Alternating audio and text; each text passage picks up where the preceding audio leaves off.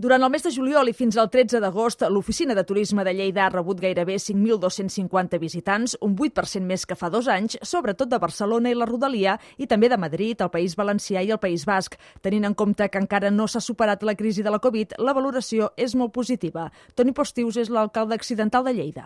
S'ha compensat aquesta davallada del turista estranger, bàsicament que era francès que ha, continuat venint i l'anglès de manera molt testimonial, però s'ha compensat precisament amb el turista domèstic.